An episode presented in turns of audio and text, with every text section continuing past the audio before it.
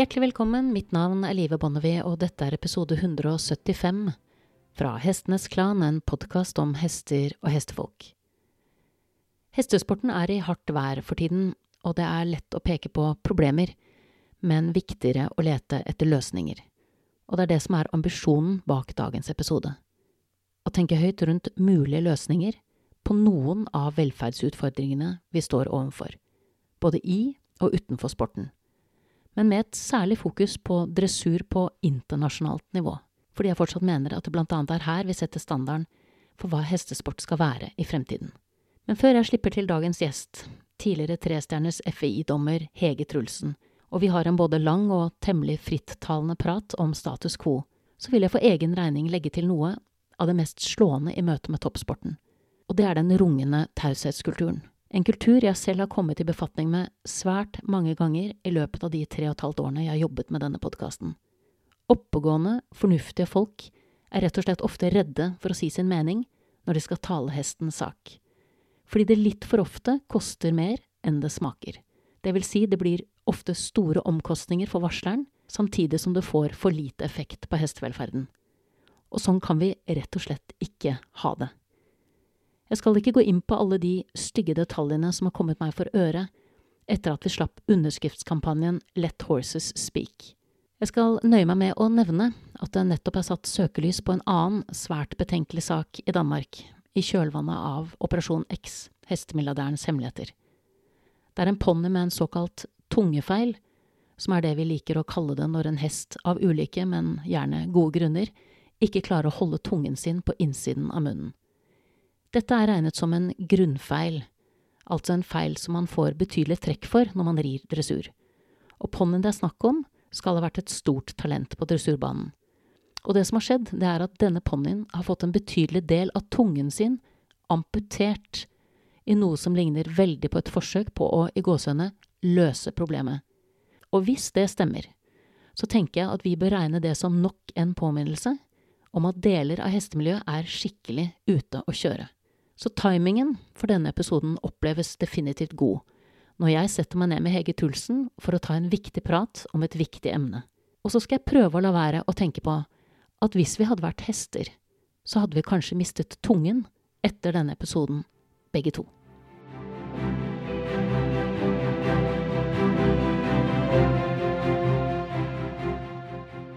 Hjertelig velkommen i studio, Hege. Mm, takk skal du ha. Eh, og hjertelig velkommen følger jeg til ditt studio, for nå sitter vi i stua hjemme hos deg i Askim. Ja.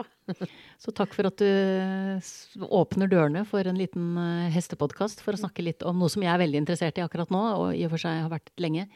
Og det handler jo om um, hvordan man dømmer innenfor f.eks. FI. Og da er jo du et interessant menneske å snakke med fordi du har den bakgrunnen du har. Altså du har uh, jobbet som dommer innenfor det systemet. Men før vi setter i gang det, så syns jeg jo alltid det er så interessant å høre litt hvordan det starta for deg med hest, og, og hvorfor, uh, hvorfor, ble du dommer? Ja, si det. Altså, jeg begynte med hest da jeg var tolv år i Trondheim. Jeg red på naboens hest. Krabba opp på hesteryggen og, og rei litt barbak. Alltid vært veldig glad i dyr, og hest har alltid fascinert meg. Sprang ned på travbanen og var der. Eh, så flytta vi til Skjetten da jeg var 15, og da ble jeg medlem av eh, stallgjengen på Sørum fritidsgård i Lillestrøm.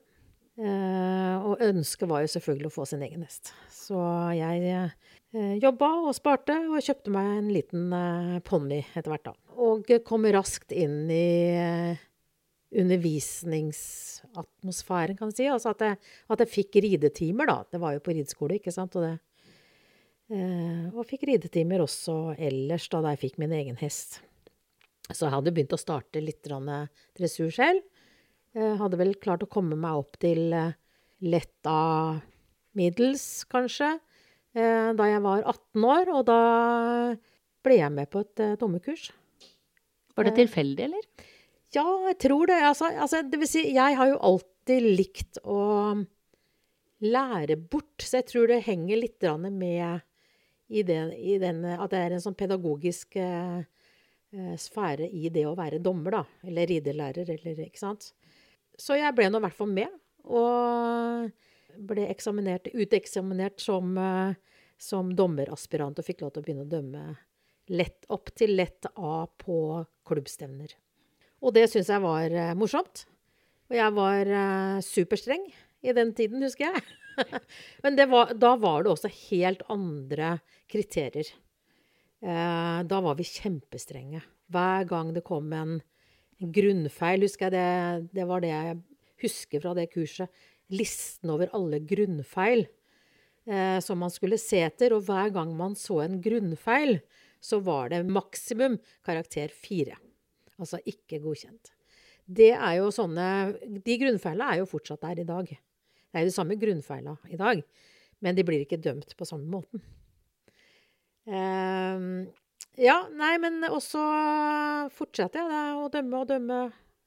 Og krabba meg oppover i gradene og uh, Ja, vel for en 25 eh, år siden, kanskje. At jeg ble Grand Prix-dommer i Norge. Altså nasjonal Grand Prix-dommer. Kanskje det var 30 år siden også. Eh, og så etter hvert så hadde man bruk for rett og slett eh, en eh, internasjonal dommer i Norge. Flere. Fordi at vi hadde for få. Og vi hadde jo fått eh, Oslo Hårshow, og vi arrangerte jo internasjonale stevner selv. ikke sant? Og vi hadde nordisk. Og da er det jo en kutyme at alle landene sender hver sine dommere. Og eh, Norge hadde rett og slett for få av, så jeg ble spurt om ikke jeg hadde lyst til å, å gå videre og bli internasjonal. Så da gjorde jeg det. Og da ble jeg da en trestjerners eh, FI dressage judge. Ja, 15-20 år siden. Og dømte da i eh, noen år, men eh, valgte siden å hoppe av sirkuset, rett og slett. For det er det det er. Et sirkus. Du tenker det? Ja.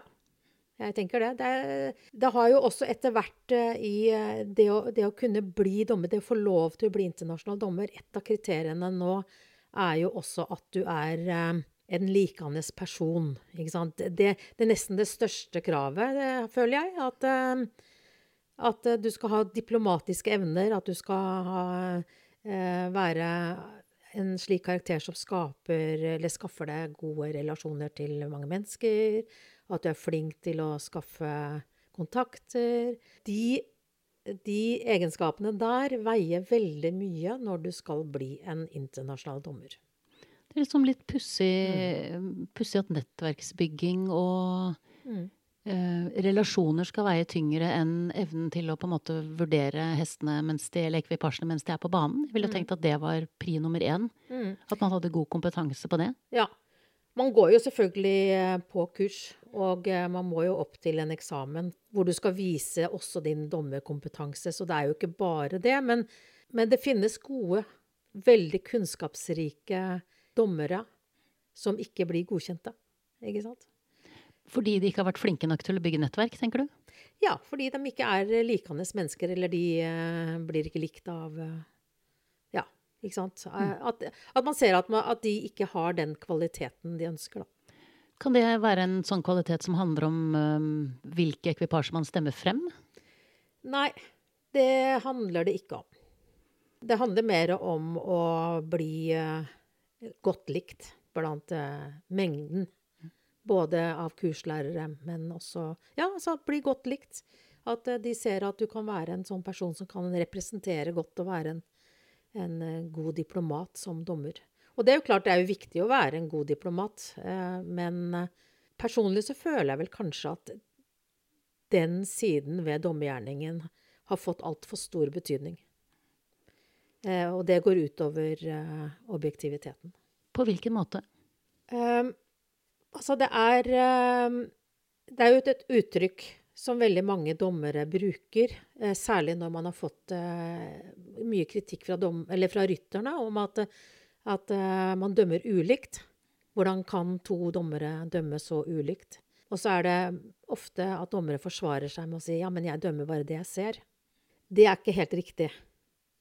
Fordi hvis jeg hadde dømt bare det jeg så Altså, hvordan kan det ha seg at vi ser så forskjellig? Fordi det er jo den samme ekvipasjen vi ser.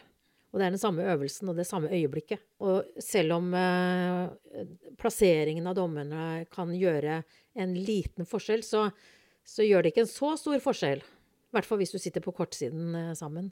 Vi bør i hvert fall ha sett samme rittet. Og, og noen ganger så er det jo sånn at man eh, faktisk er veldig uenig. Så det, eh, det har jo dommerne jobba veldig, veldig mye med. Det å kunne bli enig. Og hvordan henger det sammen med, med den egenskapen å være diplomat? Det, det er fordi at eh, den, når man jobber med å bli enig, så er det jo fordi at dømmingen ikke er Det er ikke så objektivt som at vi dømmer det vi ser. Vi dømmer den tolkningen. Vi gjør en vurdering av det vi ser. Og det er den vurderingen, den tolkningen, som uh, fører til den, det poengsummen du gir. Og det er ikke tilfeldig at det er sånn du vurderer. Fordi at du har jo gått igjennom mange Du er jo på kurs hver eneste år. Man uh, sitter og uh, snakker i dommerkollegiet etterpå. og særlig på disse dommerkursene så blir man jo man blir jo drilla på hvordan man skal tolke, hvordan man skal vurdere eh, den enkelte øvelse eller den enkelte ekvipasje. Og da går det ikke på navn på ekvipasjen, men hvordan uttrykket ser ut. Du blir jo drilla på at dette her er en sekser, dette her er en syver. Sånn skal en åtter se ut. ikke sant? Sånn at da blir den vurderingen den blir, eh, kommer inn i et eh, tolkningsfellesskap som gjør at dommerne blir, vurderer mer og mer likt. Og det, den, det er jo den, det tolkningsfellesskapet, eller den tolkningen der, som jeg syns er uh, betenkelig i dag. Fordi det styres veldig mye av nettopp de kontaktene du har. Eller de kontaktene du ønsker å ha. Dette må du si mer om, mm. kjenner jeg. Ja. fordi at uh, det er jo sånn at uh, også dommere har sin karrierevei. Akkurat som rytterne har, så ønsker rytterne å oppnå mer og mer resultater for å kunne bli uttatt til eh, sånne som mesterskap og etter hvert eh, internasjonale stevner, og, og, så til slutt verdensmesterskap og OL. Det er jo det ultimate som alle ønsker å bli tatt ut til. Og du har akkurat den samme karriereveien også hos dommerne. Sånn at det første er jo å, å bli internasjonal, selvfølgelig, og komme gjennom den uh, Komme gjennom uh, nåløyet? Nåløyet, ja. Ikke sant? Det å bli uh, valgt ut til at du får lov til å være internasjonal dommer. Det samme nåløyet har du på en måte i det nasjonale systemet, da. Selvfølgelig. Uh, og selv om det i Norge er ganske lett å bli dommer fordi det er så stor mangel på folk som ønsker å være dommer, så er det ikke sånn i de andre landene. Der står de i kø. Ja. Så der er det mye vanskeligere å komme gjennom det nåløyet. Og så når du har eh, gjort det, da, ikke sant, så, så er du en likedan karrierevei i forhold til det å få lov til å dømme på de store stevnene med de viktige rytterne. Det å kunne utvikle seg og bli fra å være trestjerners til å bli firestjerners, og til å bli femstjerners, som er da en dommer som kan dømme i OL. Det er bare femstjerners dommere som kan dømme disse mesterskap og OL. Og eh, det er også bare femstjerners dommerne som, eh, som, blir kurslærere, og det er de som på en måte bestemmer, staker veien ut, bestemmer hvordan tolkningen skal være. Det er de som har det siste ordet, på en måte. For det filtreres da nedover? Fra femstjerners og nedover til firestjerners til trestjerners. Altså dette tolkningsrommet som du snakker om. Mm. Standarden settes på en måte av femstjernersdommerne. Ja. Mm. Er det riktig å si det? Ja, det, det, det er det. Og trestjernersdommerne har egentlig veldig lite de skulle ha sagt de er bare lærlinger. De blir sett på som, uh, som lærlinger, også som nybegynnere. Så jeg husker jo det da jeg kom inn, at uh, jeg hadde jo dømt tross alt Grand Prix i veldig mange år før det. Men da jeg ble trestjerner, så var jeg plutselig nybegynner. Ja. ja. Uh, og hadde ingenting jeg skulle sagt, egentlig. Men det å få lov til å dømme på de store stevnene, det er jo opp til arrangøren. Og arrangøren, de representerer jo noen ryttere. Ikke sant? Så hvis du blir en populær dommer, så legger jo rytterne press på arrangøren om at de må ha de og de eh, dommerne. Eh, og er du en god diplomat og flink til å skaffe deg kontakter, og sånn, så vil også arrangøren gjerne invitere deg inn. Nettopp. Og eh, jo flere plasser du kan dømme, og særlig på disse viktige, store stevnene der de, de uh, viktige rytterne kommer Hvis du er en del av den sirkelen der som hele tiden blir invitert dit, så er også sjansen større for at du blir plukka ut til mesterskap og, og får lov til å gå gradene, ikke sant? Så, så, der har vi også en karrierevei. Og den, slik systemet er i dag, så er den uh, avhengig av at du blir godt likt som dommer. Og hva gjør du for å bli godt likt som dommer? Ja, det er jeg så spent på å høre. For Ikke sant? det er liksom, ja, Ja, hva gjør man? ja da, da må man jo dømme de viktige Må man dømme på riktig måte, da. Ikke sant? Sånn er det jo. Eh, selv om man sier at man ikke gjør det. Og eh, jeg tror ikke at eh, alt dette her er ikke nødvendigvis bevisst. Man er jo mennesker, men samtidig så så er det noe med at eh, man ikke tør å gå langt nok ned. Man tør ikke å slå langt nok ned på en feil gjort av en rytter som er veldig viktig. Ikke sant? Eh, jeg hørte det var eh, av mine dommerkolleger i internasjonale dommerkolleger, da, da jeg fortsatt var dommer, så skjedde jo den endringen at man tok bort altså disse generelle dommer, dommer, dommerpunktene bakpå. Altså det, man skulle ikke lenger dømme rytteren. Bak, når du har dømt hele programmet, så har du fire punkter eh, som man også gir poeng på. Det er gangarten til hesten. Og så gir man eh, eh, karakter til schwung, og så gir man karakter til lydigheten, og så gir man karakter til rytteren. Og dette her ganges opp med to. Og det er jo for, at, for å vektlegge disse delene ekstra. Men eh, for en tid tilbake, tiårstid års tid tilbake, så tok man bort disse generelle karakterene. Eh, Man tok bort gangarter, eh, lydighet og schwung, og satt igjen bare med rytteren. Så at rytteren får fortsatt en, en egen karakter.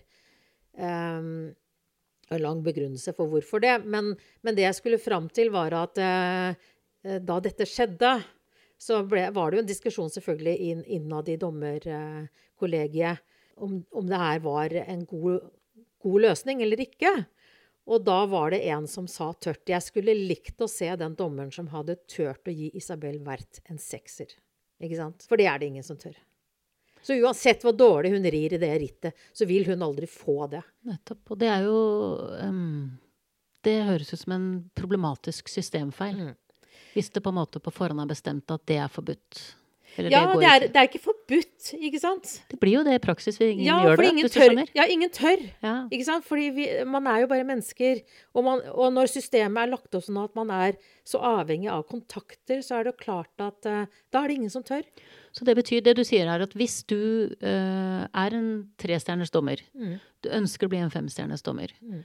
du ser uh, Isabel Werther i et ritt hvor du tenker dette er faktisk Her skal jeg legge meg på seks. Mm. Så vil disse dørene videre oppover i systemet være stengt i praksis? Ja, de blir eh, i hvert fall tyngre å åpne. Det er helt klart. I hvert fall på de stevnene der hun eh, på en måte har en veldig sterk stev, eh, stemme, da. For det vil også variere fra stevne til stevne i forhold til hvem som er, hvem som er arrangør.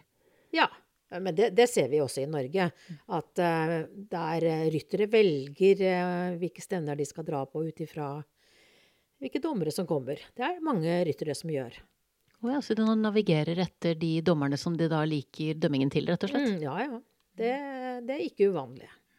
Så, og det, det gjøres selvfølgelig også internasjonalt. Og, og da er det jo sånn at eh, mange ryttere kan si til arrangøren at uh, hvis den og den dommeren kommer, så kommer ikke jeg.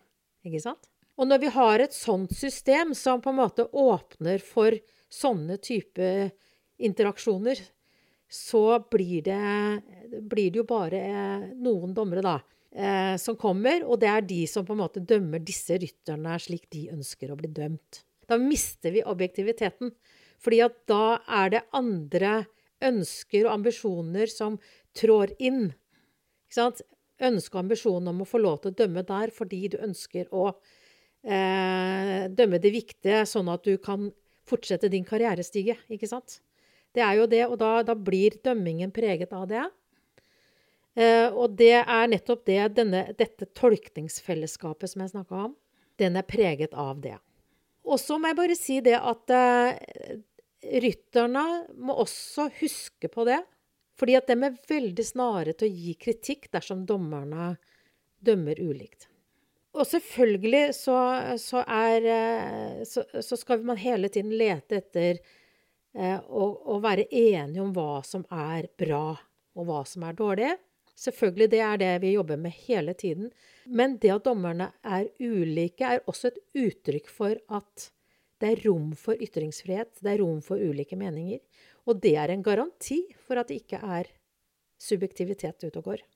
Jeg vil jo tenke at det er helt uh, avgjørende. For meg blir det på en måte veldig oppklarende når du forteller om det på denne måten. For når man ser det fra utsiden, så er det veldig vanskelig å forstå.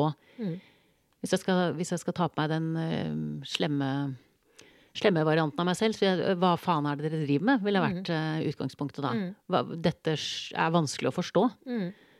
men når du beskriver det sånn som det For, det, for jeg syns også du sa det før vi satte på opptak, at det er ikke noen god butikk å være dommer. Nei, overhodet ikke. Ikke sant? Ja, ja. For, jo, for, for, sporten er jo også på en måte litt skjemt av at pengene innimellom tar litt overhånd. Mm. Men, men, jeg har aldri tenkt over på en måte, hva, hva blir dommerens bit i det. Men mm. det, er ikke, det, er ikke, pengene dere går etter, skjønner jeg, ut fra Nei. Nei. Nei. det er en ren ambisjon om karriere, ikke sant. Eh, så det er idealisme. Fordi at eh, man taper penger på å være dommer. Man tjener ikke penger. Men man, eh, man eh, får lov til å reise rundt omkring i verden. Man blir kjent med veldig mange mennesker i forskjellige land. Eh, man ser veldig mye forskjellig, sånn sett. Eh, bor på fine hoteller, spiser god mat. det høres ut som du beskriver sånn som man drømte om å bli flyvertinne i gamle ja. dager. Ikke sant? Man får reist, man får sove på mm. hotell, man får spist god mat ja. og oppleve nye ting. Ja, Men man tjener ikke noe. Ikke sant? Man tjener 100 eh, euro per dag. Og eh, som internasjonal dommer så er du nødt til å være borte Altså, stevner varer en hel uke. Så du må være borte fra tirsdag til søndag. Og har du da en normal jobb, så er det veldig vanskelig å, å reise eller dømme så mye som du trenger for å kunne eh, gå den karrierestigen du har lyst til å gå, da. Ikke sant? Så, så, det er veldig mange som taper penger på å, å, reise ut og være dommer. De taper jo arbeidspenger, ikke sant? Pluss kanskje noen har hester hjemme. Jeg har det. Hvem skal ta hånd om hesten min? Ikke sant? Det må jeg kanskje betale for. Så du skal ha bestemt deg litt? Ja. Ikke sant? Rett og slett. Altså, jeg vil ja. bli dommer. Men mm. hvis man da er i den situasjonen, og man i forhold til idealisme at man opplever at man ikke kan få lov egentlig å dømme akkurat det man ser, fordi det er noen retningslinjer der som står litt i veien. Mm. I forhold til dette med hvem som man f.eks. kan gi en sekser. Mm. Så må jo det være veldig Oppleves veldig problematisk mm. når man kommer inn den veien som du beskriver. Helt klart. Det er også en av grunnene til at jeg ikke er dommer lenger. Og, og, det er flere som følger det sånn. Det er flere dommere som følger det sånn. For det jeg lurer litt på, både i forhold til eh, dømmingen eh, i internasjonal toppsport, men i forhold til egentlig også hvordan hester behandles og ris overalt, det er at min følelse er stadig sterkere at gode krefter trekker seg unna eller tar et skritt tilbake. Mm fordi systemet ikke underbygger de verdiene som er ens egne verdier. Mm. Og så istedenfor å på en måte ta en kamp mot systemet eller heve stemmen og si at dette er ikke ok, dette er for mye vold mot hestene, eller den hesten er for spent, hvorfor aksepterer vi dette? Så, så resignerer man litt og går ut, og så mister på en måte sporten mye god kompetanse, er følelsen jeg får fra sidelinjen. Det er akkurat de samme kreftene som eh, rår i uh, miljøet. Vi, vi, ser nå på Facebook f.eks. med denne uh, underskriftskampanjen, eller, eller, eh, alle de delingene som har vært gjort med Helgestrand-saken. Eh, hvem er det som har delt, og hvem er det som ikke har sagt noe? Eller hvem er det som har gått ut og sagt at vi må ikke henge ut enkeltpersoner? Mm. Jeg vet om eh, veldig mange dommere, komitémedlemmer av Rytterforbundet, trenere på høyt nivå, ryttere på høyt nivå, som er av den sorten som sier at eh, vi ikke må henge ut enkeltmennesker. Eller som, eller som ikke sier noen ting i det hele tatt. Som bidrar til den taushetskulturen. Og eh, hvorfor det? det? Mye av det henger også i en frykt for da å miste sin sjanse innafor karrierestigen. Selvfølgelig. Snakker du for høyt, så blir du utestengt. Det skal være en sånn snillismekultur hvor alle skal være blide og hyggelige mot hverandre som er, en, som er, totalt falskt. Fordi at man er ikke det, egentlig. Man er det bare på utsiden. Ja, så er det en annen ting som slår meg som kanskje enda mer problematisk, og det er jo at man må jo også ha en ambisjon om å være litt snill og hyggelig med hesten. Selvfølgelig. For det er jo klart at den, det som jeg tenker når jeg ser på internasjonal, internasjonal toppsport i dag, er jo at det er mange hester der ute som har noe på den banen å gjøre, og som har blitt forberedt på en ordentlig måte. Mm. Og som på en måte har et, et, kroppsspråk og en måte å føre seg på som gjør at du skjønner at her er det gjort et grunnarbeid. Men så er det også veldig mange ekvipasjer hvor du tenker at dette her er ikke harmonisk. Mm. Ikke hyggelig å se på. Mm. Eh, og tilfører sporten bare negative ting. Så hvordan skal vi gripe det fatt? Altså Bare for å starte en ende i forhold til dette med at spente hester, mm. hester med konfliktatferd, eh, hester som, som, ikke er i harmoni med rytteren i det hele tatt, de kan fortsatt, disse ekvipasjene kan fortsatt komme høyt opp i systemet. Mm. Altså hvordan, hvordan, griper man det an for å komme på et litt bedre spor, da? Mm. Ikke at ikke vi har hatt dårlige spor før. Altså mm, Det har vært kortere halser eh, tidligere, som vi snakket om også før vi trykket på rekord her. Men, men, vi er jo virkelig ikke på merket i forhold til hvor vi skal være når det gjelder velferd og, og, harmoni på banen. Ja, altså dommeren kan ikke gjøre alt. Eh, fordi det som er vanskelig i dag, da, er jo at uh, den nye type hesten som vi har fått, ikke sant, den, den dressurhesten som vi ser i dag, den gangarten til den, uh, den ligner veldig mye på det som vi kaller for schwung som er en eh, Schwung er en bevegelse du får ut av når du har ridd til hesten din. Ikke sant? Eh, schwung er ikke en naturlig eh, bevegelse. Eh, hvis de kan kalle det det. Selvfølgelig er det naturlig. Vi, vi prøver jo å, å, få ut den naturlige hesten, men, men schwung er på, på, på treningsskalaen så er det nummer fem på treningsskalaen. Det er rett før du kommer til eh, samling. Eh, og det kommer Hesten blir mer elastisk, ikke sant? Og den, eh, den gynger mer, den ser mer flashy ut. Men det er på grunn av at den er blitt ridd riktig. At den begynner, den er, begynner, å bli elastisk i leddene sine. Den har lært seg å sitte mer bak. Få tyngden annerledes. Den bruker musklene sine på en annen måte som gjør at den får en mer gyngende gang. Men det er pga. riktig ridning. Men den bevegelsen ligner veldig på den bevegelsen i dag, med spente hester. Og den naturlige gangarten mange, mange dressurhester har. Så det er jo det som er dilemmaet. Hvordan avsløre hva som er riktig schwung, og hva som er spenthet. Og som vi snakka om eh, før mikrofonen gikk på, så har det jo vært verre før. Ikke sant? Med enda kortere halser. Eh, og med bakbena enda lenger bak i økningene, f.eks. Og det er jo forholdsvis synlig. Men det var da det begynte. Eh, og det ble ikke slått ned på da heller. Ikke sant? Men det skal sies at dommergjerningen, eller dommerkollegiet, de har jobba mye med å, å, å, prøve å få til et system som er mer objektivt. De har tatt til seg mye av kritikken om at ikke de dømmer likt. De, de er jo hele tiden i en diskusjon om hvordan de skal klare det. Men de er ikke strenge nok. Altså For å si det så, jeg går tilbake til da jeg begynte å dømme med disse her eh, eh, grunnfeilene. Hver gang vi så en hest som var litt bak loddbladene, som er en grunnfeil, så var det fire. Hvis eh, bena ikke var parallelle i økningene, og det ikke var heng i økningen, så var det fire. Det, det, var superstrengt. Ja, for vi er ikke der nå. Nei. Det, sant? Har, Tvert imot. Vi, ja, vi har endra det. He, hele den skalaen har vi endra. Altså, reglene er så mye mer eh, tolkbare. Og det, vi har blitt snillere, ikke sant? Og vi har blitt hyggeligere. Det er blitt hyggeligere å ri eh, et ressursstevne nå, eller dressurprogram, for du får ikke de Du blir ikke slakta hver gang. Eh, ikke sant? For det var det før. Det var virkelig veldig vanskelig å få 50% og det å få 60% var jo nesten utenkelig. I dag så er det jo, er det jo 70% vi snakker om, som er på en måte den magiske grensa. Alle får 65, 66, 67. Ikke sant? Det er ganske hyggelige, hyggelige uh, karakterer du får hele tiden. Og det er jo godt pedagogisk. Det er bare det at når du åpner opp på den måten der, så blir det også vanskeligere å vite hvordan du skal vurdere det. Ikke sant? Sånn at i dag så sier man jo, kort hals det, Altså, en, en, hest som går med kort hals, får ikke ni. Ikke sant? Den får kanskje ikke åtte heller, men den får syv. Og hvis du får syv på alt, så er det 70% med en kort hals eller med en hale som svinger. Og det er nok her vi kanskje kunne ha vært mye strengere.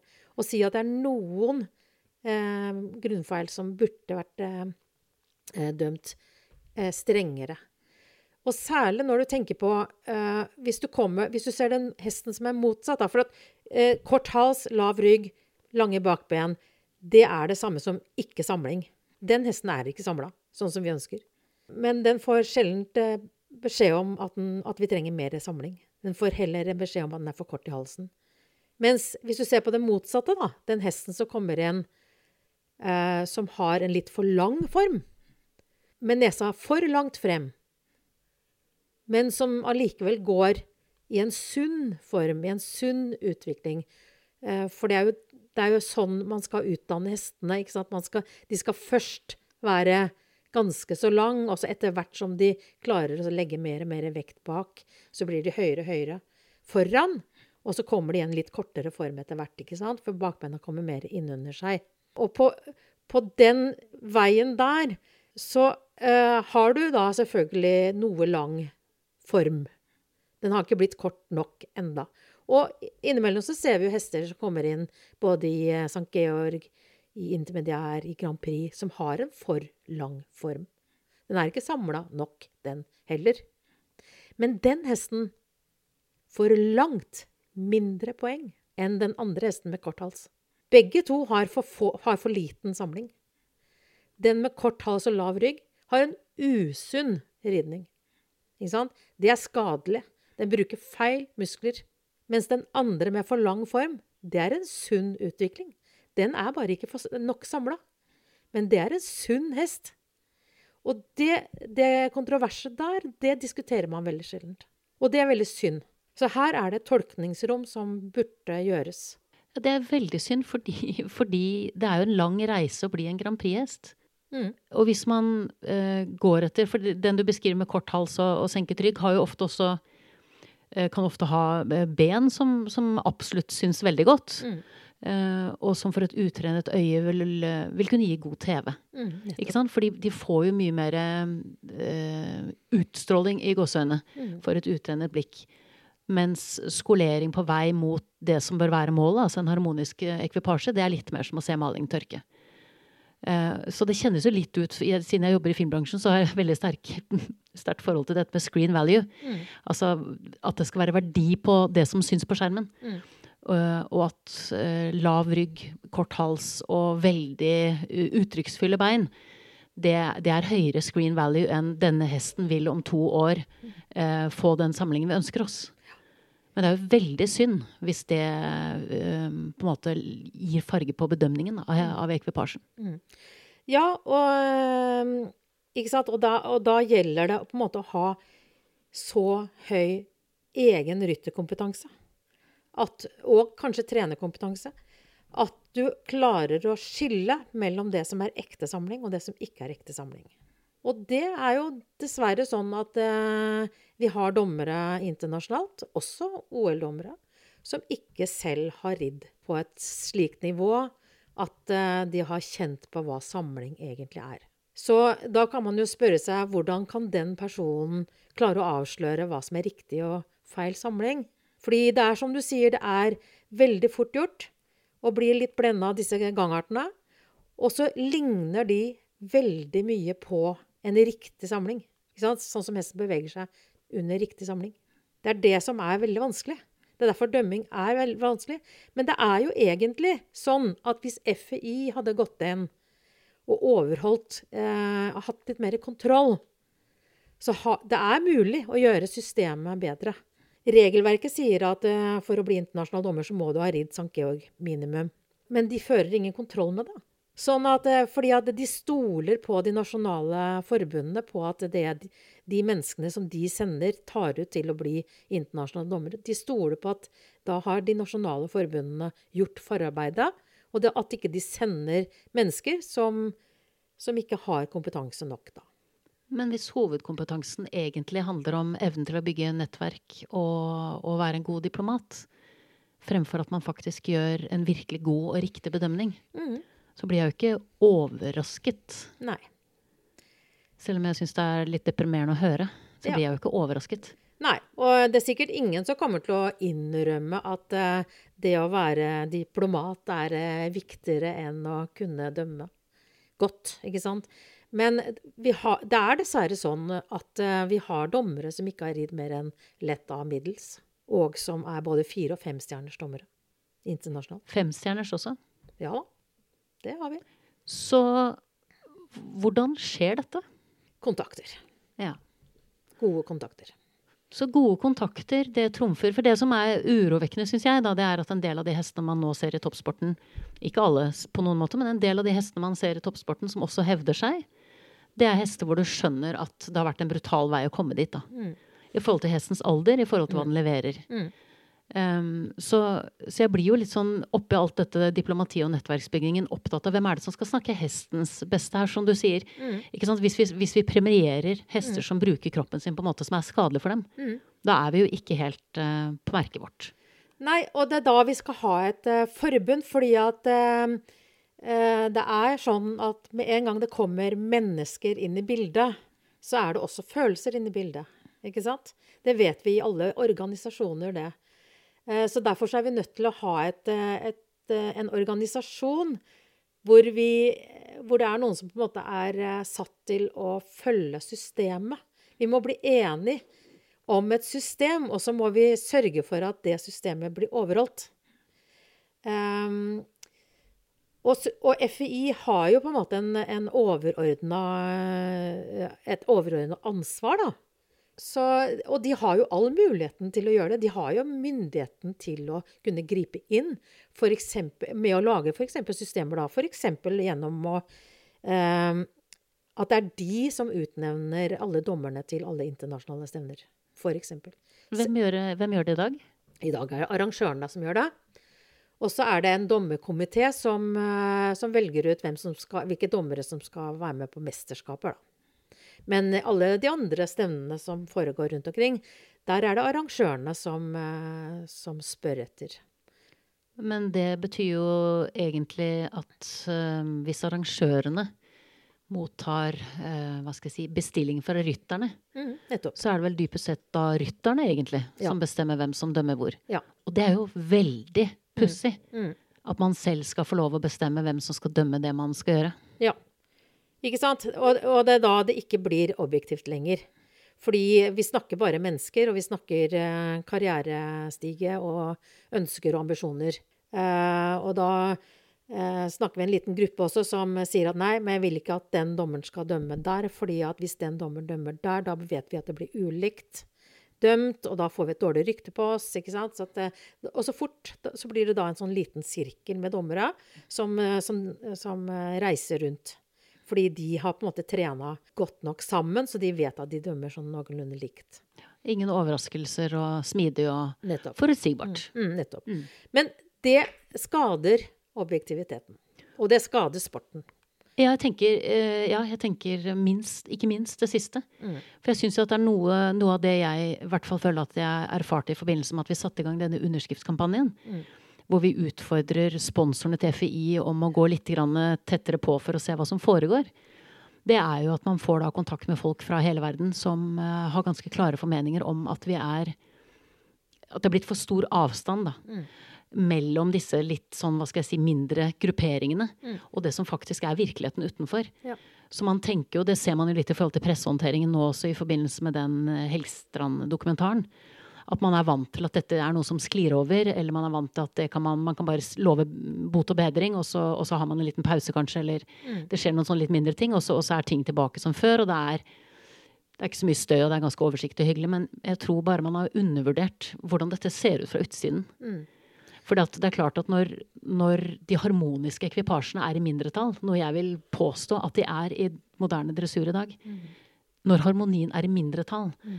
Da kan man ikke bli overrasket over at det på et eller annet tidspunkt dukker opp ganske sterke krefter som sier at nå er det nok. Da. Mm. Og jeg føler nok at sånn som jeg vurderer hestesporten fra utsiden, er at vi er på et vippepunkt nå. Mm. Enten så tar man grep, og så setter man hestens velferd og kravet til harmoni og krav til at både fit to compete og, hap- eh, fit to compete og happy athlete Altså at dette skal ikke bare være en del av en festtale, men det skal være sant. At i det øyeblikket de tingene blir tatt på alvor, så vil det jo ikke være gitt lenger hvem det er som nødvendigvis vinner disse klassene. Nei, men, eh, men jeg tror at det er verre på internasjonalt nivå enn det er på nasjonalt nivå. Definitivt. Så em, det er når, eh, når det virkelig er prestisje ute og går, at vi begynner å få disse kreftene her inne. Og selvfølgelig når pengene begynner å rå. For, for dommerne så er det, det prestisje, og det er menneskelige eh, krefter ute og går, ikke sant? Fordi at eh, Vi må ikke tro at det er eh, slemme mennesker heller, for det er det ikke. At er det noen som har på en måte prøvd å, å endre systemet de siste årene, så er det dommergjerningen. Fra liksom eh, Nå har vi sju dommere, vi har et dommerpanel ved siden av som eh, kan justere og se hvis det er noen åpenbare feil. Man har eh, endret måten å dømme freestyle på, ikke sant? Hvor rytterne skal levere inn noen forhåndsbestemte kombinasjoner. Altså, det, det er blitt gjort veldig mye, og det diskuteres veldig mye hvordan man skal dømme hva. Men det er allikevel en sånn menneskelig bit i det her som man ikke må undergrave, og det er nemlig den derre karriereønsket, ambisjonen, den egne lille atmosfæren inni det dommerkollegiet. Og, og da er Vi snakker om en systemfeil som FI ganske enkelt kunne ha gjort noe med. På hvilken måte? Ja, altså, De må ta styring over å fordele dommerne, tenker jeg. Sånn at det, det, ikke er gitt hvem som dømmer med hvem, og at alle At det blir en uh, rullering. Tenker jeg at det, hadde vært en sunn måte å gjøre det på, for da, da kan ikke arrangørene eller rytterne selv styre hvem som skal dømme hvor. Ja, for det er, må jeg bare si at det er en sjokkerende mm. og meget pussig praksis. Mm. Eh, og så må de også eh, gripe litt bedre tak i å sikkerstille at dommerne faktisk har den rytterkompetansen som de må ha.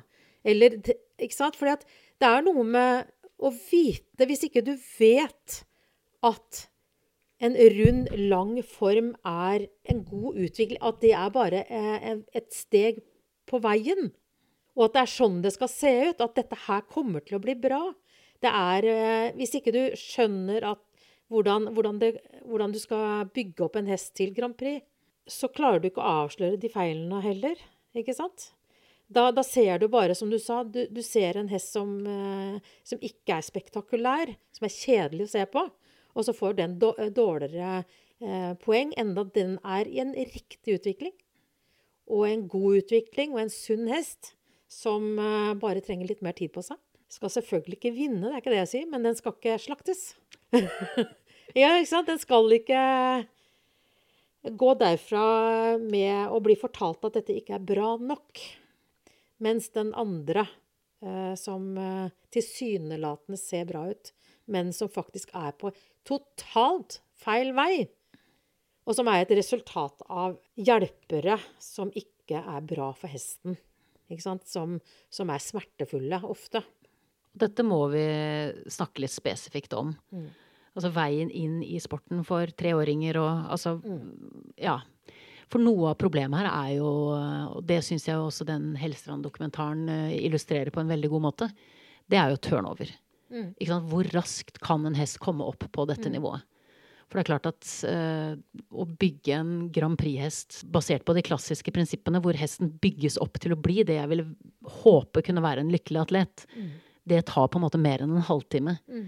Så det er jo fristende da selvfølgelig å ta alle disse snarveiene som involverer stygg sporebruk, som involverer glidetøyler, som involverer vold mot hester, som jo den dokumentaren dessverre ga noen veldig grafiske bilder på. Det som er særlig sørgelig, synes jeg, med den dokumentaren, det er at alle jeg har snakket med, har sagt at dette vet vi.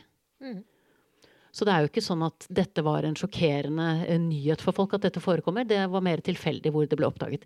Ikke dermed sagt at alle holder på sånn, men det er jo kjent at det er mange som gjør det.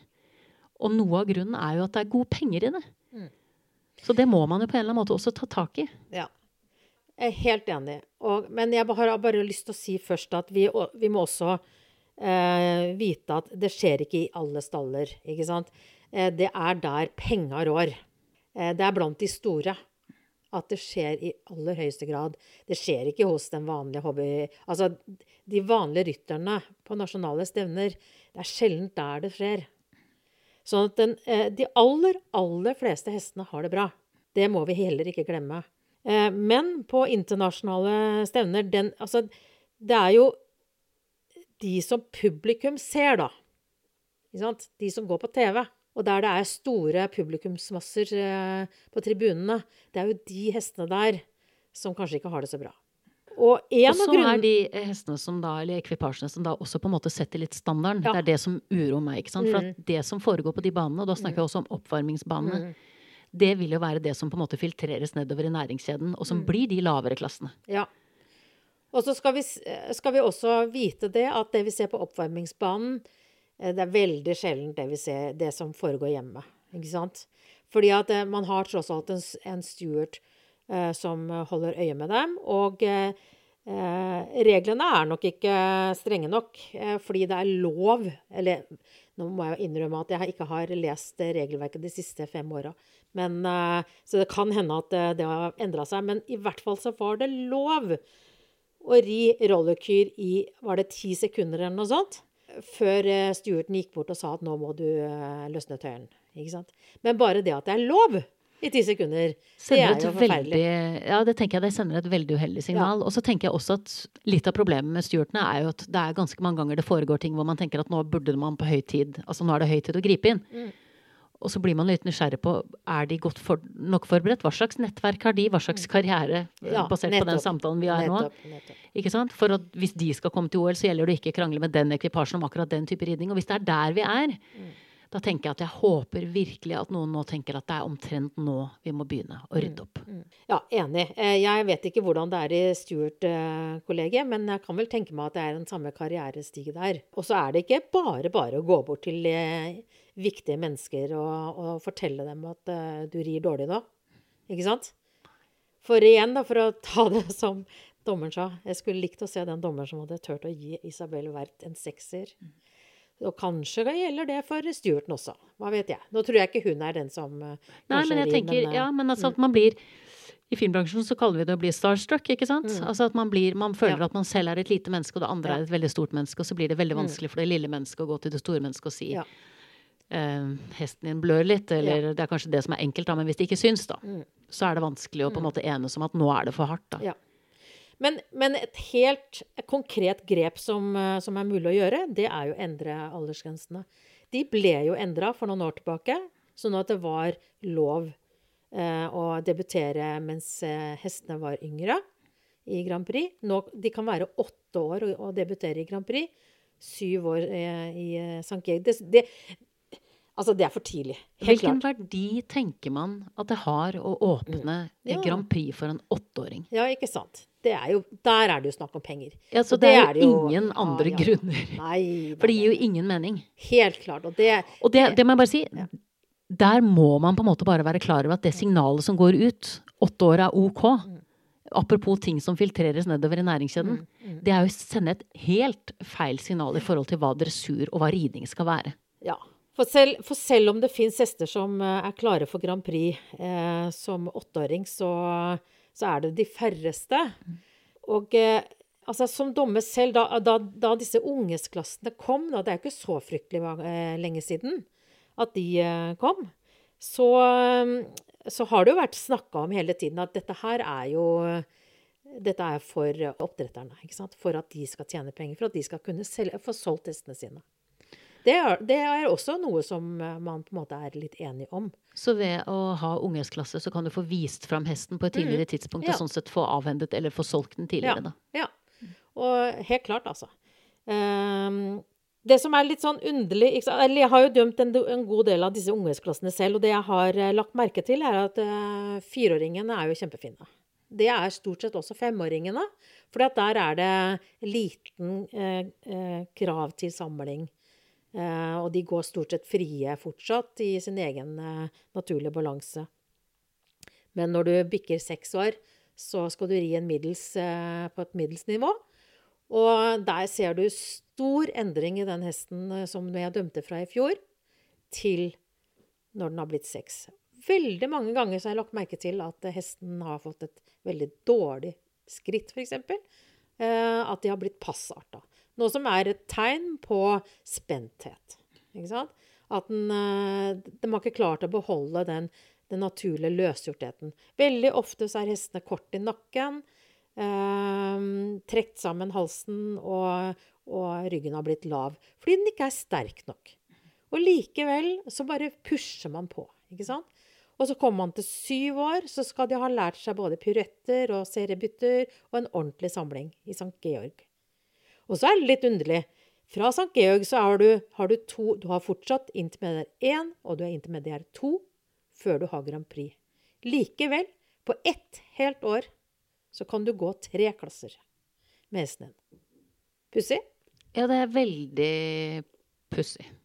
Bortsett fra hvis man tar inn over seg at det er god butikk. Mm, veldig god butikk. For da tenker jeg da er det jo egentlig en veldig fornuftig ting å gjøre. Men jeg blir jo bekymret over at hesten blir veldig skadelidende da, i det systemet som vi har i dag.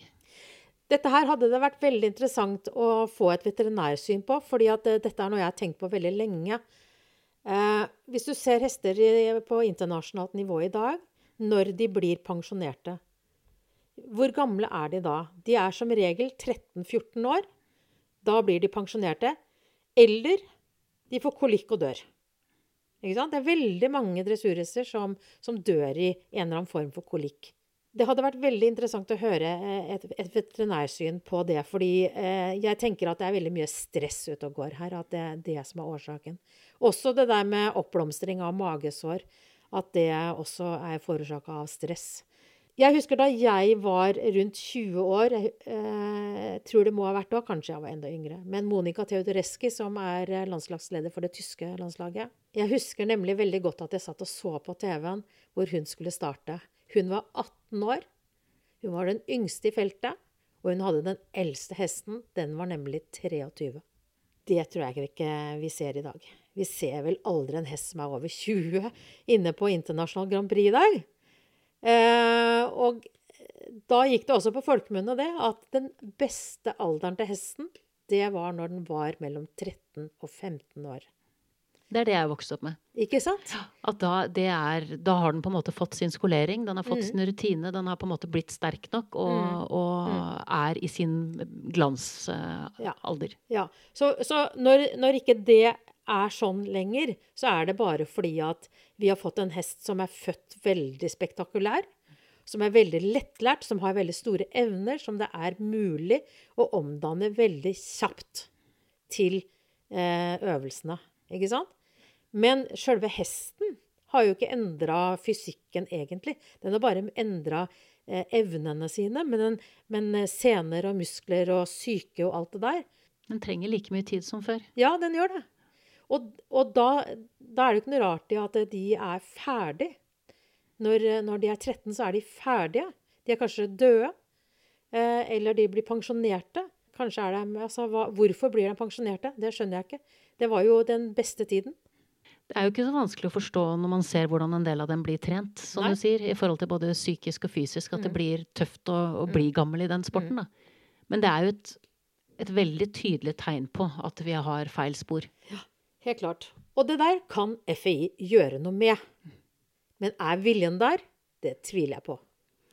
Er det like vanskelig for dem å gjøre noe med det som å gi en topprytter en sekser, er spørsmålet. Altså at systemet på en eller annen måte binder alle litt på hender og føtter? At det henger litt sammen, galskapen? Ja, selvfølgelig. Det er jo kontakter alt det dreier seg om. For hvorfor ville de ellers eh, ha, ikke ha endra den, den, regelen? Eh, hvis de virkelig er interessert i hestevelferd, da lager de jo regler som ivaretar hestevelferd. De sier jo at det skal være kjernen i deres virksomhet. Ja, men da, da er det bare å endre det.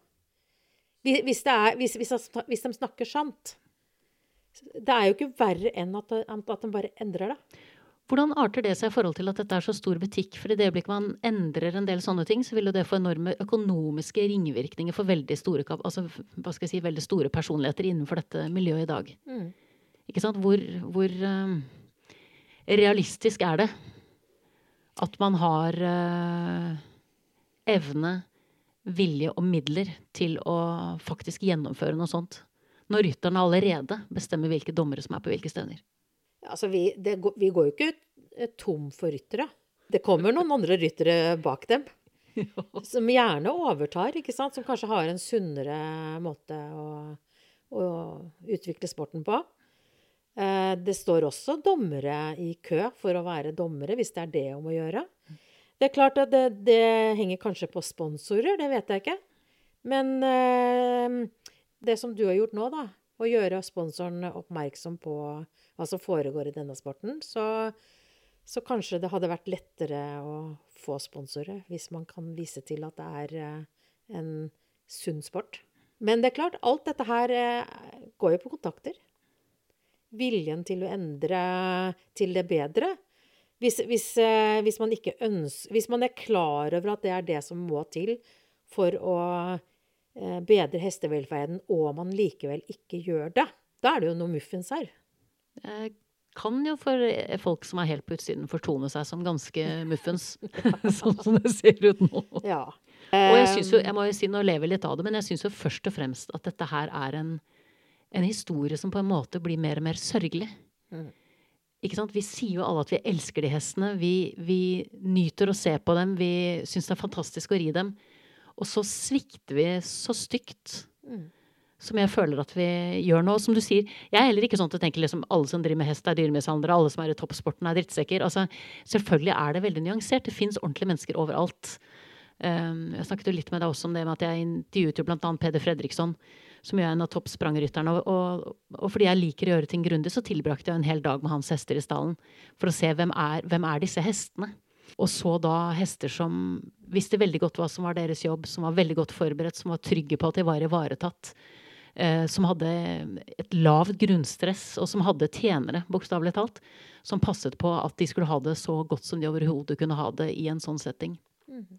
Men for de stevne, det stevnet jeg var på, så var det jo åpne staller, så kunne jeg også gå rundt og, og se andre ting.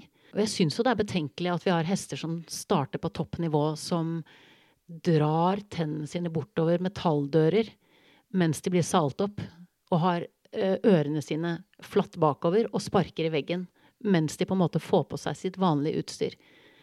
Og jeg syns det er veldig betenkelig at de samme hestene kommer ut på oppvarmingsbanen og utviser tydelig konfliktadferd. konfliktatferd. Altså tydelig 'jeg er ikke komfortabel i denne situasjonen', og det er ingen som hever et øyebryn. Og da tenker jeg det er, det er Jeg skulle på en måte ønske at man hadde sett litt større del av bildet, da. Mm at stewardene hadde fanget opp i mye større grad. For det, det fins jo så mye opptak fra de siste årene. Det er jo ikke 100 år siden de bildene ble tatt. Dette er nye bilder. Mm. Mm. Det er ikke langt tilbake vi skal gå. Og en del av de rytterne som nå har gått ut mot Helstrand og sagt at dette er helt forkastelig, har jo sin egen historikk. Så det er eh, Jeg føler at det er et fryktelig langt lerret å bleke. Og jeg er liksom litt spent på hvem som har tenkt til å ta den litt upopulære jobben der og si dette har vi eh, betalt godt i form av gode karakterer. Nå må vi tenke annerledes. For hvis man skal beholde sin social license to operate, som er det dette dypest sett handler om Og jeg har ikke noe behov for å slåss for hestesporten for min egen del. Jeg konkurrerer ikke. Jeg tjener heller ikke noe penger på det. Så for meg er det skitt det samme. Inne i OL eller ut av OL. Altså Det har ingenting å si for mitt liv. Men jeg syns faktisk ikke at det er for mye forlangt at hvis vi er der, så behandler vi de hestene på en ordentlig måte. Mm. Og så skolerer vi dem på en ordentlig måte. Og så gir vi dem den tiden de trenger til å takle det livet som vi tilbyr. Mm. Det er liksom, dette er, altså Snakker om grunn, eh, grunnregler og, og, grunnretningslinjer, så syns jeg det er ikke å legge lista veldig høyt. Og hvordan vi har klart å komme oss i et uføre hvor det ikke ser sånn ut, det Selv om jeg syns det er veldig oppklarende å snakke med deg. For du har jo et blikk på det som jeg ikke har sett før. Jeg har lurt på hvem er de dommerne, liksom? Mm. Men det kan jeg jo si at eh, da Operasjon X ble vist i Danmark, så eh, jeg er jo fortsatt eh, på Facebook-gruppen til disse FI-dommerne. Og da gikk han som er leder av, av dommerkomiteen, eller leder av, som leder liksom dommerne, han gikk ut og sa at dette her, nå må vi sette oss ned og snakke litt om om hvordan vi dømmer. Sånn at eh, det er jo ikke sånn at, eh, at dommerne er blenda av kontaktene sine og karrieren sin. Altså, eh, det er ingen dommere som ønsker at hestene skal ha det ille. Det, vi må ikke glemme det, at det er De, de dømmer ut fra sitt, sitt, beste, men det er, det er et sånt sammensurium fordi at vi ikke har et system. Ikke sant? Vi overlater det til de menneskelige kreftene, og da vil det alltid bli feil når vi snakker om ambisjoner og karrierer innafor dette her. Fordi at et menneske vil alltid se sitt snitt til at uh, eh, å komme dit eller komme dit dersom den bare holder seg inne med den og den. Ikke sant? Dersom det gagner deg. Det er, det er egentlig ganske menneskelig å, å gjøre sånn. Eh, og så får det så fatale ringvirkninger når, når, når, det på en måte nesten blir eh, den uskrevne loven. Men det du sier der med at, eh, med at FI-dommere eh, snakker sammen og sier på en måte at nå må vi sette oss ned og ta en mm. ordentlig prat. Mm. Eh, da kjente jeg liksom at da steg CV litt. mm. Ikke sant? For da høres det ut som om dommerne vil kunne være en, en viktig del av løsningen. Mm. Ja, ja. Fremfor å være en del av problemet. Absolutt. Det ønsker de å være. Men så er det det, da. At hvordan skal du få til det når det allikevel er en når ambisjonene styrer veldig mye av det du gjør. For det, det, gjør jo det. Som sagt, dommerne tjener ikke noe penger på dette her. Det er andre krefter som styrer dette her, ikke sant?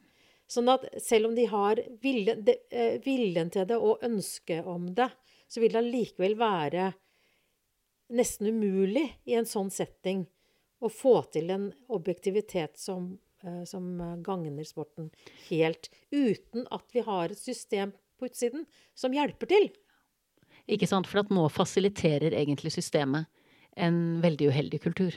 Ja, ikke sant. Fordi at det, det går an å systematisere det, sånn at eh, eh, dommerne selv ikke får det ansvaret hengende over på seg. For da hjelper det på en måte ikke å holde seg inne med arrangøren.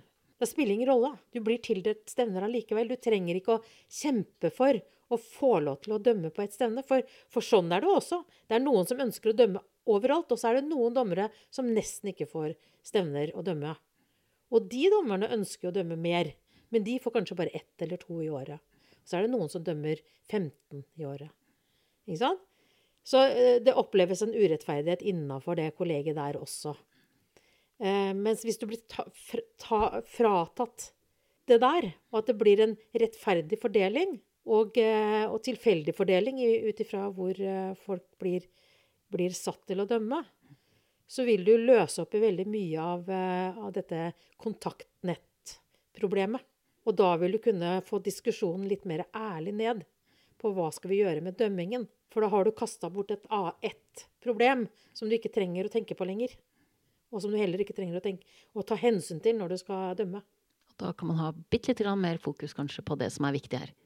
Ja, og da har du mer ryggrad også til å tørre å gjøre det. For det er noe med å, å ha motet til å være den ene dommeren som dømte ulikt med de andre fire.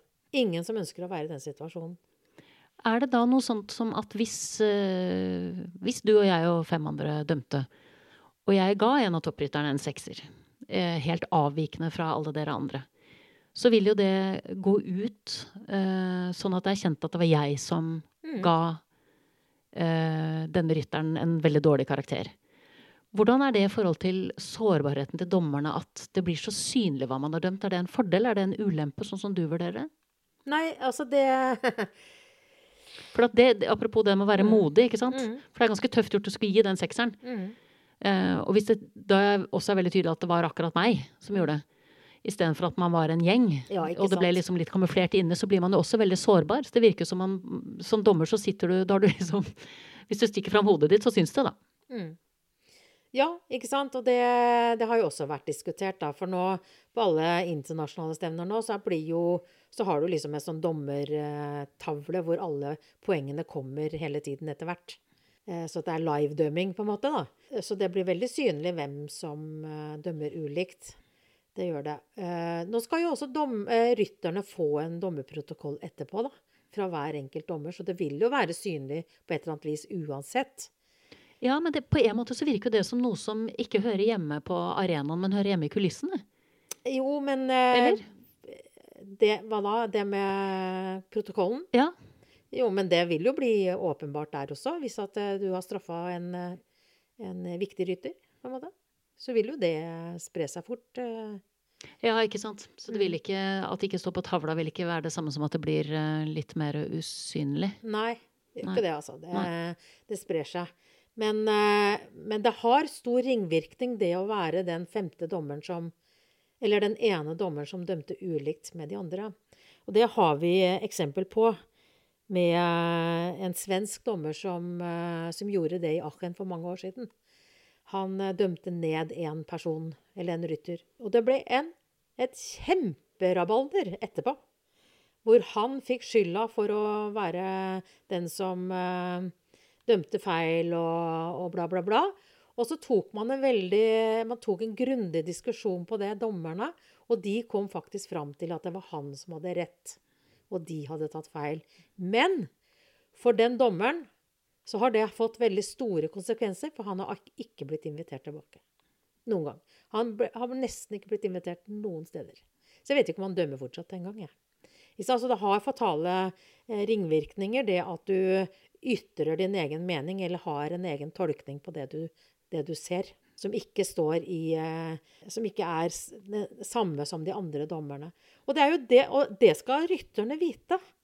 At, for at rytterne har virkelig kritisert dommerne høyt på at eh, de må være Eller på at noen da dømmer ulikt. ikke sant? Og det er alltid den dommeren som dømmer lavest, som har feil. det er rart med det. Ja. Men, men det, for det skal rytterne også tenke litt på. At eh, jo, det er, det er bra at dommerne er enig, men det er ikke alltid at det er et uttrykk for objektivitet. Det er mer objektivt dersom man faktisk er uenig. Da har vi i hvert fall et, et, eh, et klima der det er lov å ytre seg. Eh, så kanskje skal vi heller Ja, altså det, er, der er et veldig vanskelig emne. For selvfølgelig skal vi være enige om hvem som er best, og vi skal rangere dem likt. Men samtidig så er det, er det jo tolkninger, og, og, vi må ikke bli styrt til å gi karakterer som vi ikke mener er riktig. Vi må bruke kunnskapen og kompetansen vår Eh, vår egen trener- og rytterkompetanse må vi bruke inn i dømmingen. Hva ville du tenkt rundt VAR, som det er i fotballen? Altså at man har et kamera som går, og så kan man spole tilbake hvis man er i tvil om ting. Mm. Hvordan ville det kunnet endret ting? Um, altså det, det, er veldig mange ritt som blir tatt opp, og som dommerne bruker etterpå i diskusjonen. Uh, etterpå så mye etter at alt er ferdig, mm. eller etter rittet? Nei, et, nei, etter at alt er ferdig. Det går ikke an å gjøre det etter rittet. Det, det ville ha tatt for lang tid. Men, øh, men, vi ser jo også det at øh, film eller videoopptak øh, ofte skjuler detaljer. Som Du ser det ikke så godt på opptak som det du gjør når du sitter der og da. Og så er dømming ikke bare det øyet ser. Det er nettopp det det ikke er. Fordi du sitter der, og du sitter og rir den hesten.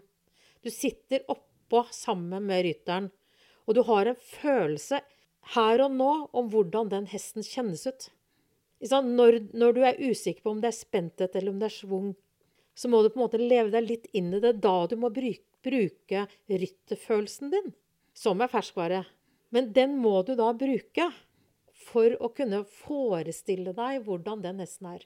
Og den følelsen du får der, blir medvirkende til den karakteren du gir.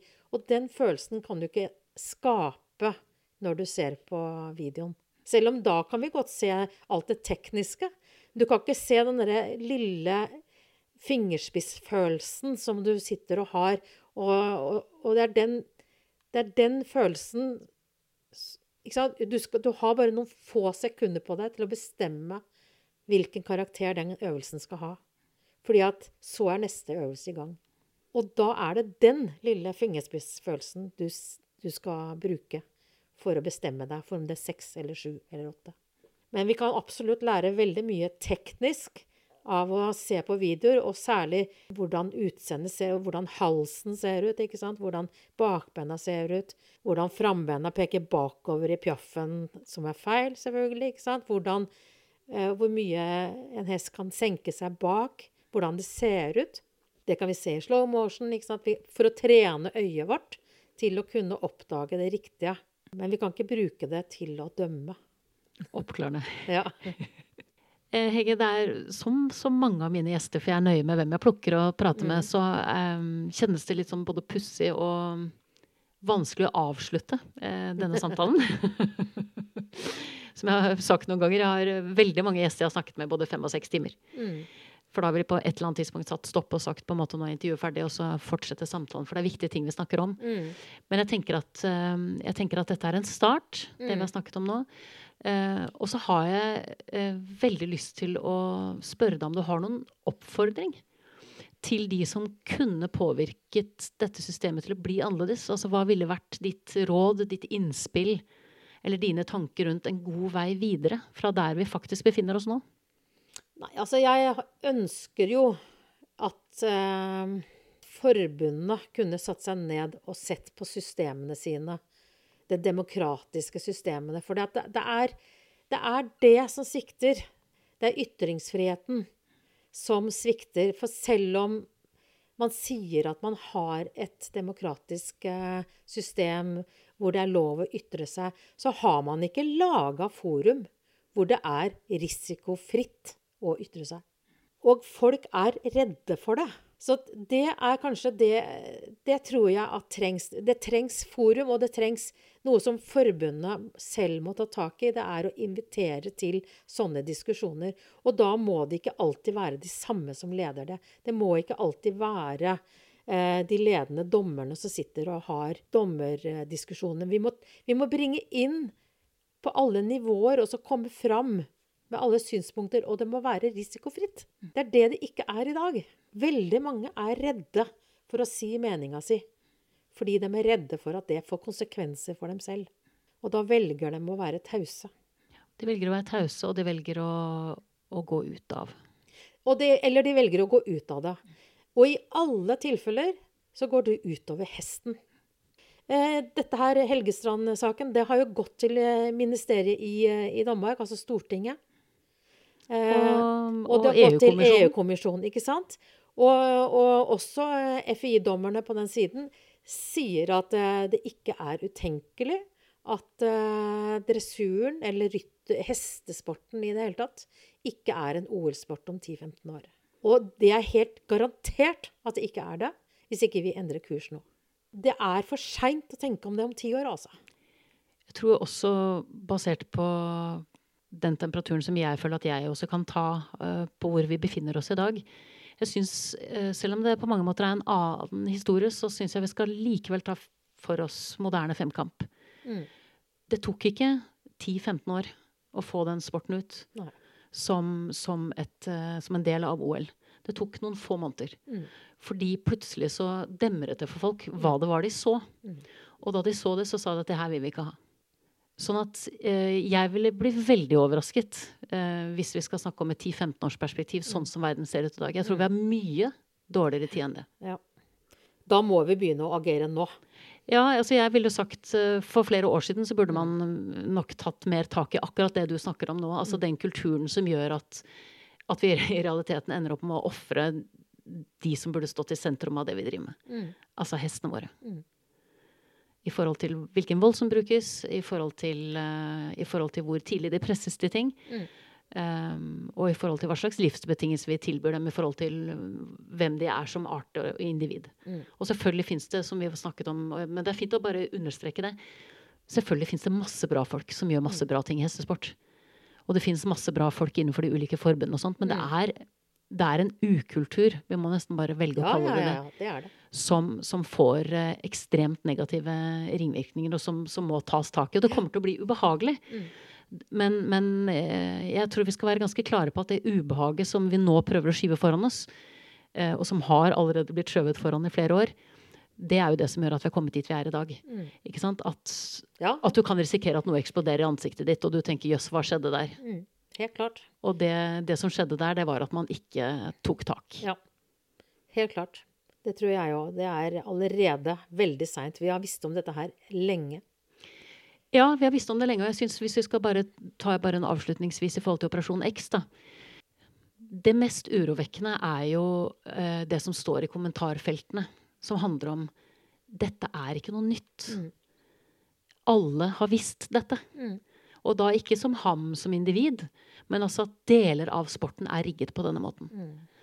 Um, men han er mest kjent? Ja, han er størst. Mm. Det snakka vi litt om på jobben, faktisk også, fordi jeg jobber jo for Nordisk Film, som på en måte er en av de største filmprodusentene i, i Nord-Europa. Mm.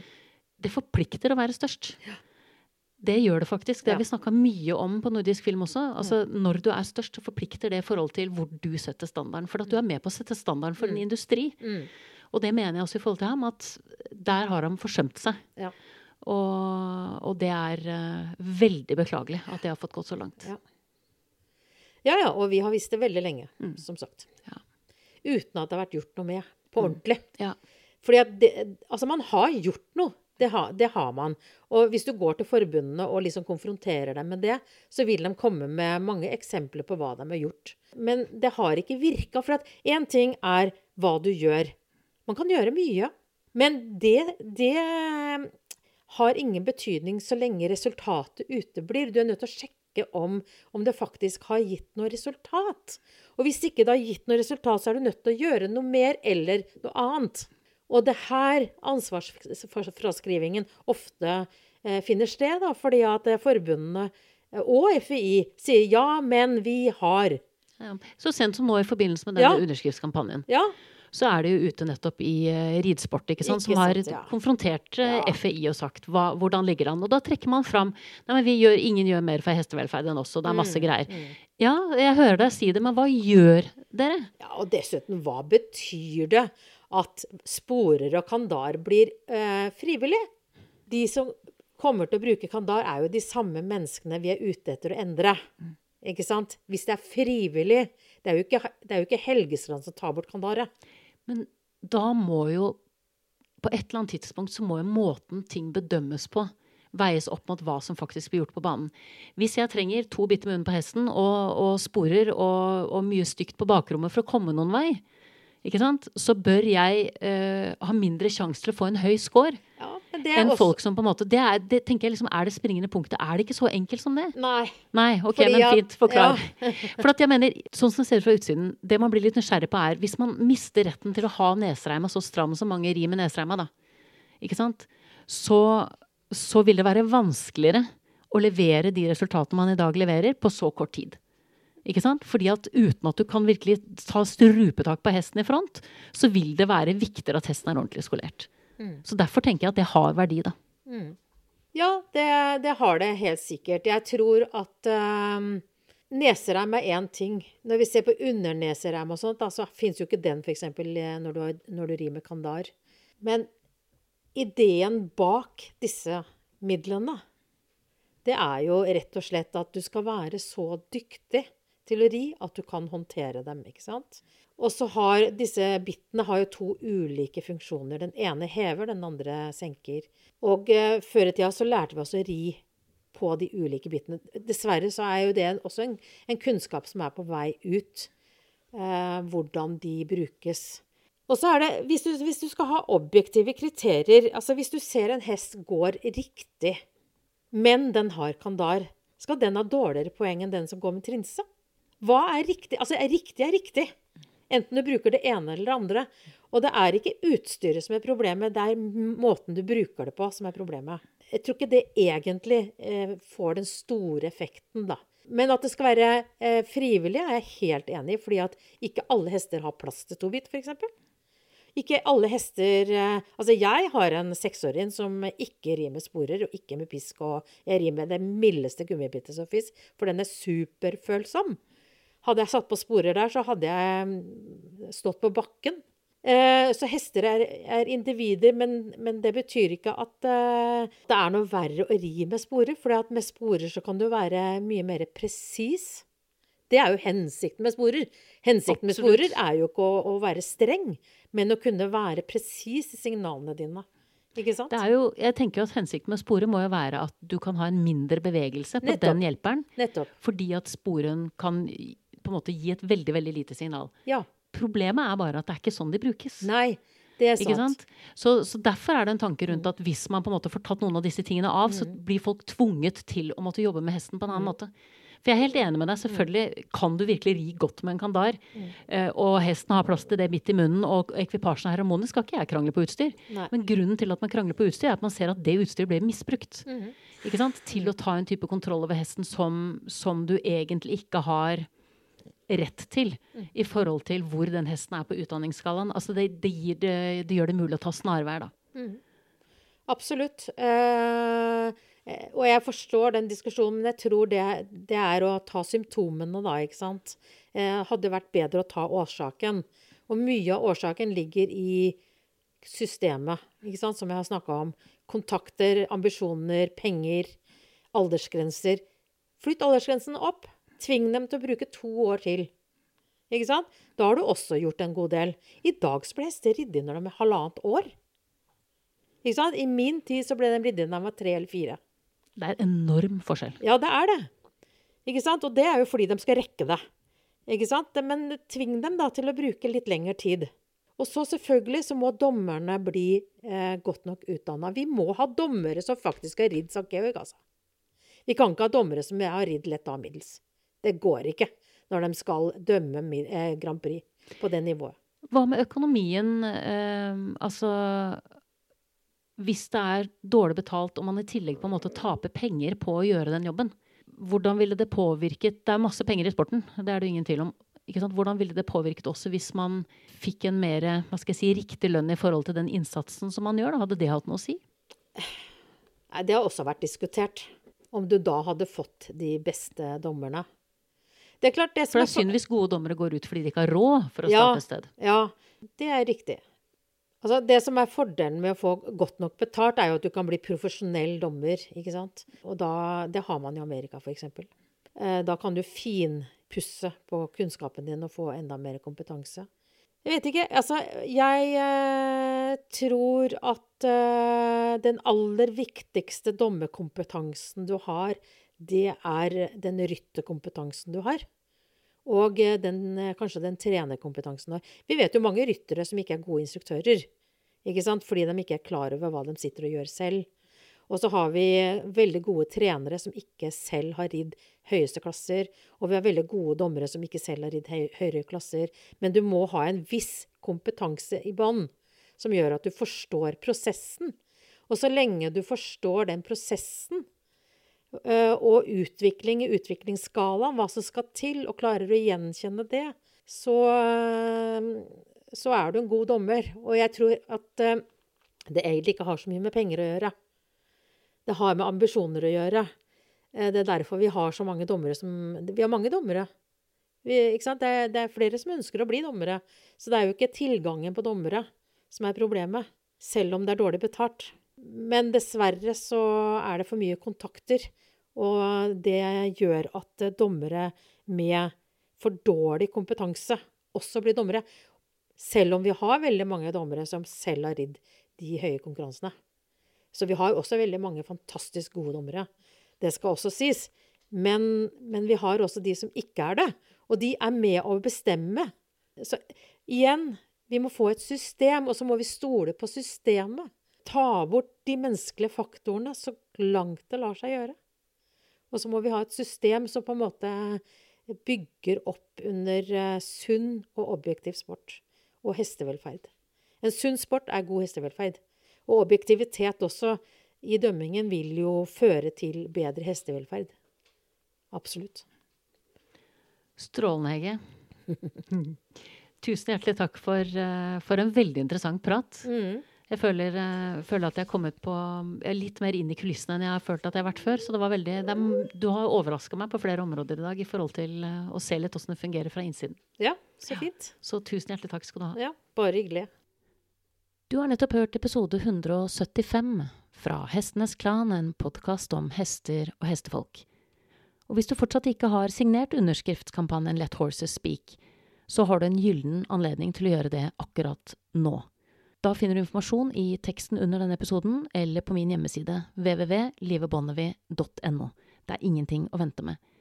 Det andre jeg har lyst til å be deg om, det er å dele denne episoden hvis du føler at den har bidratt med noe som utvider samtalen. I motsatt tilfelle så kan du la være, men det er intensjonen bak dagens episode er å prøve å åpne det samtalerommet litt mer.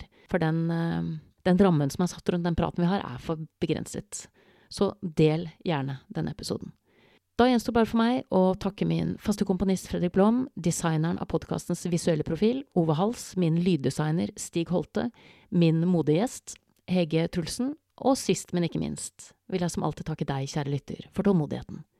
Måtte hesten for alltid være med deg.